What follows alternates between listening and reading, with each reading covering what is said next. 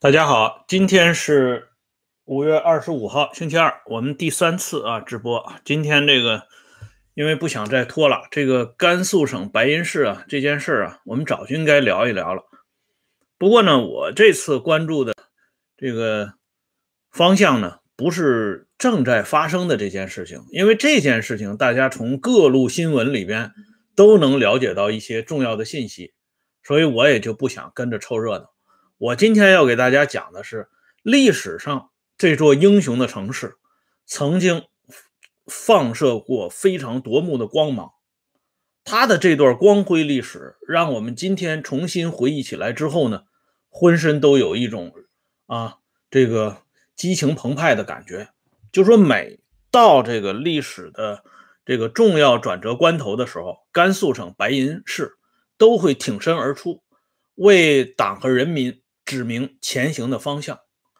历史上啊，在上个世纪六十年代最有名的社会主义教育呃运动当中，涌现了四大金刚啊。第一个呢，就是白银经验，就是发生在甘肃省白银市。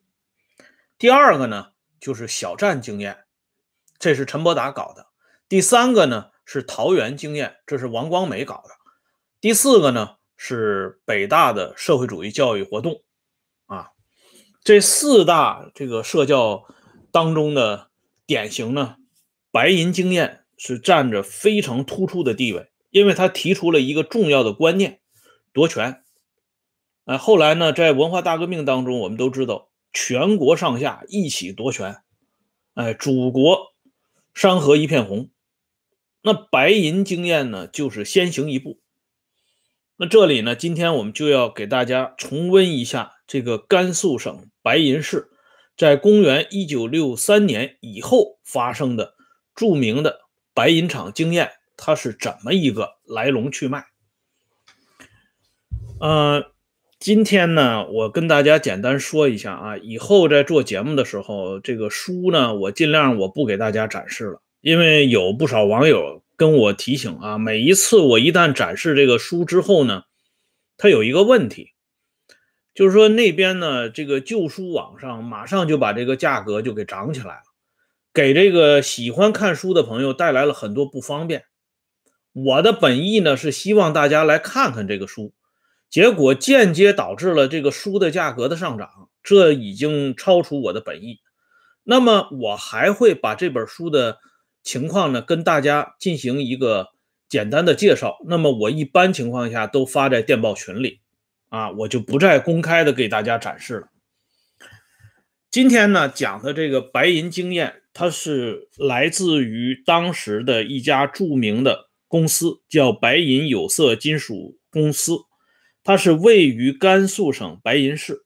因为是搞有色金属金属的，所以呢就得名。叫白银，啊，是中国“一五”计划期间一百五十六个重点项目之一，也是中国建设有色金属当中最大的一个工厂。从一九五四年开始兴建，一直到一九六二年才部分建成并投入生产。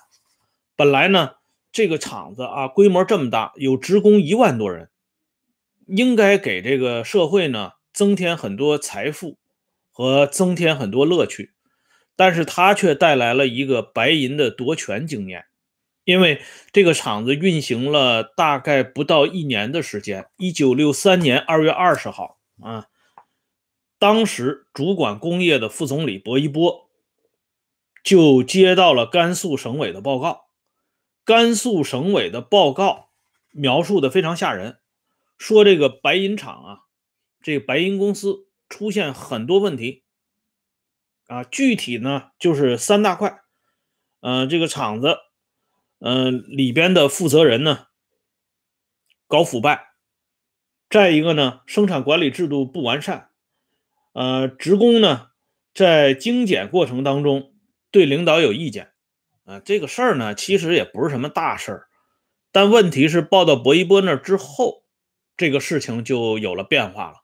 因为当时这个社教运动呢，已经开始啊陆续推开了，那么在工业交通这个口，就是薄一波管的这个口里边，啊，他还没有出过成绩。那这样的话呢，作为这个主管的领导，那他当然就坐不住了啊。这里呢，他就要想，我怎么才能啊，尽可能的出成绩。正好这份啊，甘肃省委的这个报告呢，给薄一波提供了一个很好的缺口，就是想希望通过这个报告啊，打开缺口。于是呢，接下来的事情就顺理成章了。当时有一员大将啊，主动请缨，这员大将呢是谁呢？就是薄一波主管下的。冶金部副部长高阳文，嗯，大家看一下这本书啊，这本书不怕抢购，它是工具书，《中共党史人物传》里边对高阳文这个人做了一个重点的介绍。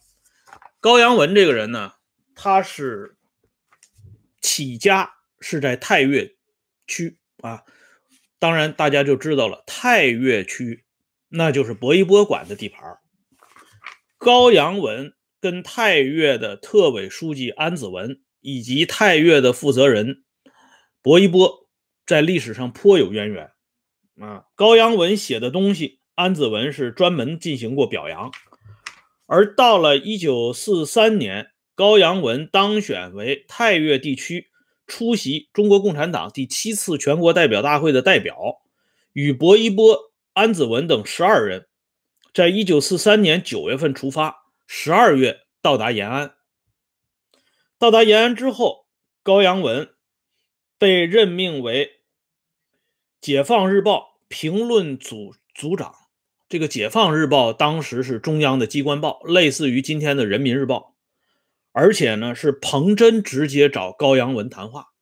由此我们就可以看到，高阳文其实就是刘少奇、彭真他们这条线上的人。啊，跟这个薄一波、安子文关系也非常的不错。这个时候呢，在调查甘肃白银公司这件事情上，高阳文是主动请缨，啊，于是呢就成立了一个庞大的调查调查工作组，这个组长就由高阳文来担任。老高担任这个组长之后呢，啊，非常有意思的事情就发生了。咱们说呀，这个甘肃省白银市。留给咱们的记忆最深刻的就是三个事情，一个呢是我正在讲的白银经验，再一个就是一九八八年发生的白银市系列杀人案，还有一个就是刚刚发生的这个越野马拉松的这件事情。马拉松这件事情呢，目前还没有调查取证结束，所以我们有一些情况还不完全了解。但是已知的这个甘肃连环杀人案和白银经验这两件事情，都牵扯到男女作风问题。说白了，都是跟女的有直接关系。啊，这系列杀人案因为已经局部告破，这个案子的过程当中呢，呃，发生的这些事情，大家上网都可以看到。那白银经验里边怎么又跟女的有关系了呢？它不仅跟女的有关系，当时啊。在背后有人给这个白银经验起了一个非常通俗的外号啊，叫“处女膜经验”。大家一听这个名字，我相信啊，很多男同志马上这个精神头就来了啊。他怎么会这个夺权？怎么跟这个处女膜有关系呢？他还真有关系啊！我给大家详细介绍一下这个事情呢，是这么来的。这个工作组的领导同志。在整个白银公司的动员大会上，他就开始讲，他说：“你们知道吗？白银公司的领导干部玩弄女性，生活作风极度败坏。”这个话特别抓眼球啊！普通干部群众一听到这个啊啊玩弄谁谁，这一听，这个整个啊这人就感觉就不一样了。那为什么咱们这位大组长啊一下子就直奔这个男女问题呢？是因为啊他这离开北京之前有一位出身红四方面军鄂豫皖的啊老一辈无产阶级革命家啊，跟他在这个聊天的过程当中，无意间啊，也不知道是无意还是有意，反正呢，他就提到了当年鄂豫皖肃反的时候，他说当时啊，张国焘到鄂豫皖搞这个肃反，第一件事情就是从这个男女问题入手，所以啊。呃，我们在搞类似的这个工作的时候，千万要注意啊，不要把这些庸俗的东西带到工作当中来。这老一辈无产阶级革命家呢，说的是非常的艺术啊，这话人家是反对把这男女问题带到工作当中来的。但是老百姓话讲叫听话听音儿，这弦外之音是什么意思？这组长他们这些人就听明白了。所以下车伊始之后呢，首先就把这个男女作风问题。给提出来了，提出来之后呢，这个工作组呢就提出来要发动群众贴大字大字报，大反不正当的男女关系，还写了个对联上联呢是玩弄女性，长字啊长字带头，那下联呢是非法协作，书记挂帅，横批呢是领导有责。哎，因为这个。鄂豫皖的这位老同志呢，跟咱们这个工作组的这领导同志们是这么讲的。他说张国焘当年呢挺缺德的，他为什么从这个男女关系入手呢？因为男女关系这个东西呢，呃，就算最后是捕风捉影没有落实，但起码把你的名声搞臭了，这个同志呢可能长时期就抬不起头来。所以这个东西我们要注意啊，不要轻易从这些东西入手。那么眼下这个工作组到了白银厂之后呢，恰恰就是从这里入手，哎，这样的话呢，接下来的一幕就发生了。这一幕已经不是用幽默来可以幽默和滑稽能够形容的。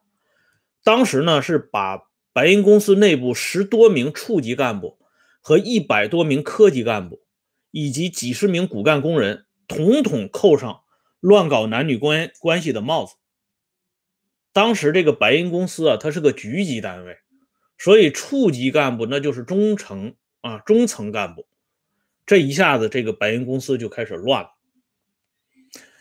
而且这个时候，有人开始反映了，说白银公司下边呢有一个这个露天矿，这个露天矿呢有一个女司机，二十二周岁，江苏人。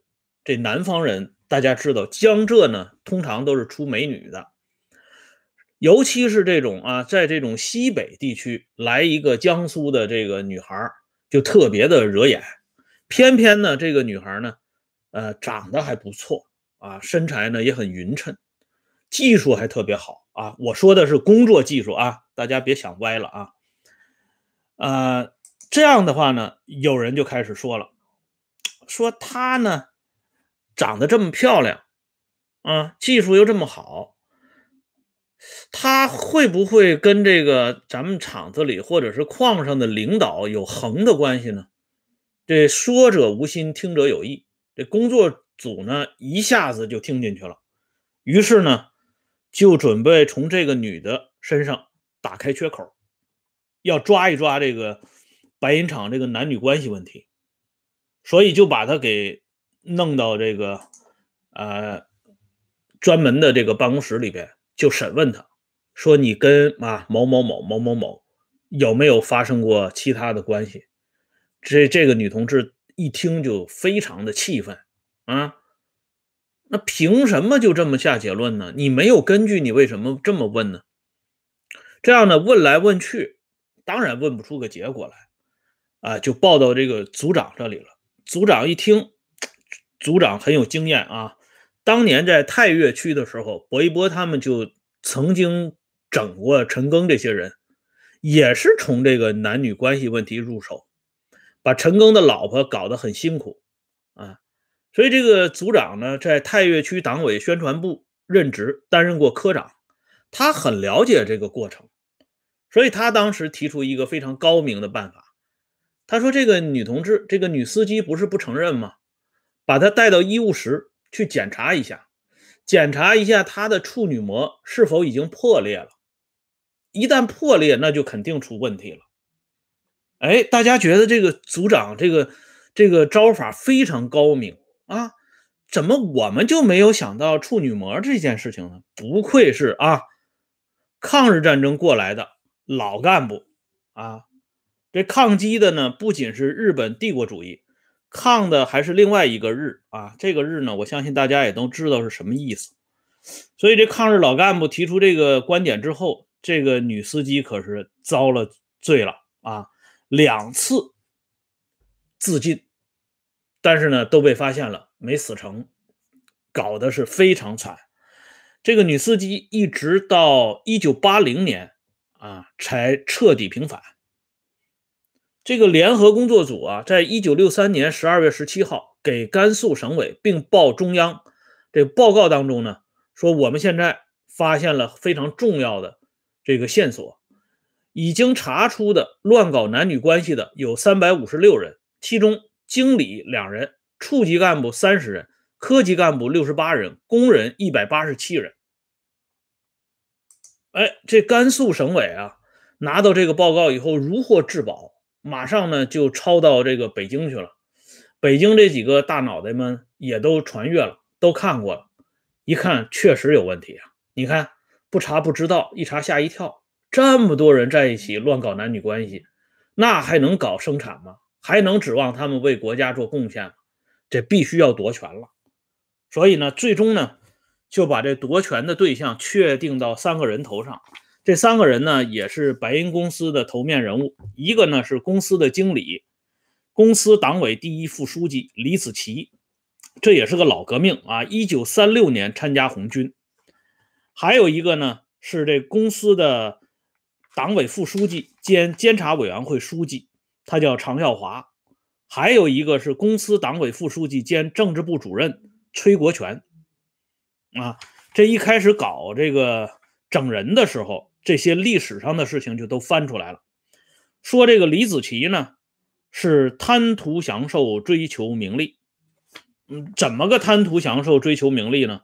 说他们家呢，呃，这么多年一共霸占了肉类八百多斤，油两百多斤。鸡蛋一百六十多斤，经常呢家里还储备有鱼翅，啊，据这个有关部门了解之后，发现他们家一共有三斤半的鱼翅，啊，那接下来呢再来看常耀华，这常耀华也不得了，这常耀华呢是出身大地主家庭，祖父呢是清朝的贡生，爸爸呢是国民党的上尉军官。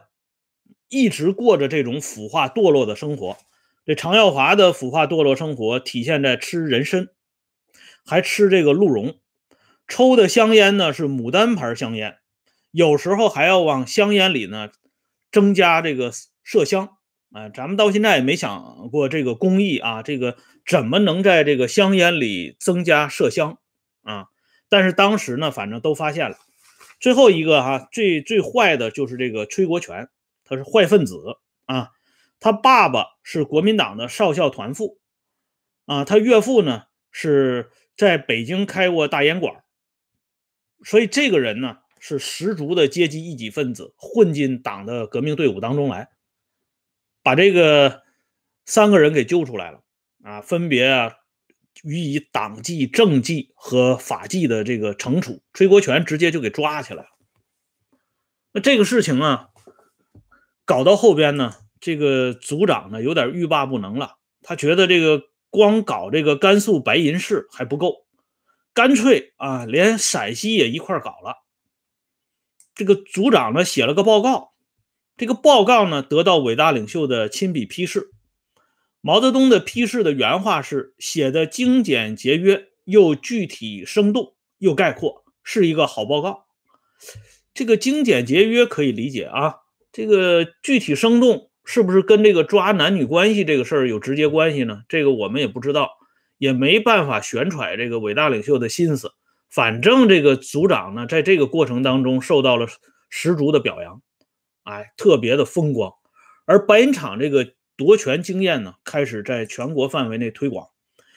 李雪峰写给刘少奇的信里边就说：“他说我们应该采用白银厂的经验进行夺权斗争，发动群众，迅速加以解决。”哎，由此啊，这白银当时啊，白银市啊，飞升全国。这白银厂的经验呢，成成为上上下下效仿的对象。而咱们这位组长大人呢？后来非常幸运，因为七十年代后期，薄一波又重新出山，这组长呢又在担任国务院副总理和国家机械委员会主任的薄一波手下工作，从冶金口呢出来了，到了煤炭口担任煤炭部部长。他晚年还风光一把，就是这个邓朴方搞这康华的时候，啊，高阳文担任康华公司的副董事长。但是很有意思的是啊。这个高阳文的传记在《中共党史人物传》当中啊，第七十三卷当中啊，高阳文的传记里偏偏就没有提到高阳文担任康华公司副董事长这件事情。不过呢，提到了这么一件事情，就是高阳文本人，他后来承认，他说：“白银厂事件，我应负主要责任。”这是我执行以阶级斗争为纲的左的路线后犯了一次大错误，并且呢向犯错误的同志们呢表示道歉啊。当然这个事儿也就不提了。那么说来说去呢，这个被当时被错误的整了的这三个同志呢，李子奇呀、啊崔国权呢、常耀华呀，他们还不是啊。要钓的主要的大鱼，真正要钓的大鱼是当时的甘肃省副省长黄罗宾啊，我把这个人的名字写一下啊。为什么要钓这个人呢？因为今天这副标题啊，就涉及到高层博弈这个事情。黄罗宾是陕甘边根据地的骨干人员，他是很早就追随刘志丹高岗闹革命的。他是红四十二师下边的主力团的团长和政委，所以搞掉黄罗宾就等于清算高岗集团。在这件事情上，薄一波、安子文他们当然是心往一处想，劲儿往一处使。而伟大领袖呢，也乐于看到薄一波、安子文他们先行暴露，他们暴露的越充分。马脚露的也就越多，在日后交给群众斗争的这个斗争面也就越宽泛。哎，所以呢，伟大领袖故意啊引蛇出洞，让你们纷纷表演啊。哎，这个他们当时呢还没有意识到，这个绞索呢已经逐渐套在他们自己的头上。啊，这都是后来他们才觉悟到的。所以这个白银厂这个事儿，最终是把黄罗宾给搞了起来。黄罗宾是白银公司的创始人，第一任党委书记。后来呢，这个黄罗宾被平反，重新担任甘肃省的领导职务。呃，这期节目的结尾的时候呢，我要说一下啊，就是说当初被错误的整了的这些人，黄罗宾呢、李子奇啊、崔国权呢、常耀华，固然都平反了。可是，一个非常有意思的事情发生在去年十二月份。去年十二月份，甘肃省纪委对一名局级领导干部进行正式调查。这名局级领导干部是甘肃省建设投资集团的董事长兼党委书记，他的名字叫李宁平。嗯，这个人的名字我也打一下啊，他也是全国人大代表。这李宁平的老爹就是当年白银厂的一把手李子奇，所以很有意思的是啊，白银市的事情啊，再一次在去年又露出了一个小小的马脚啊。好了，今天呢，咱们关于这个甘肃省白银市的话题呢，就说到这里，感谢朋友们上来收看和收听。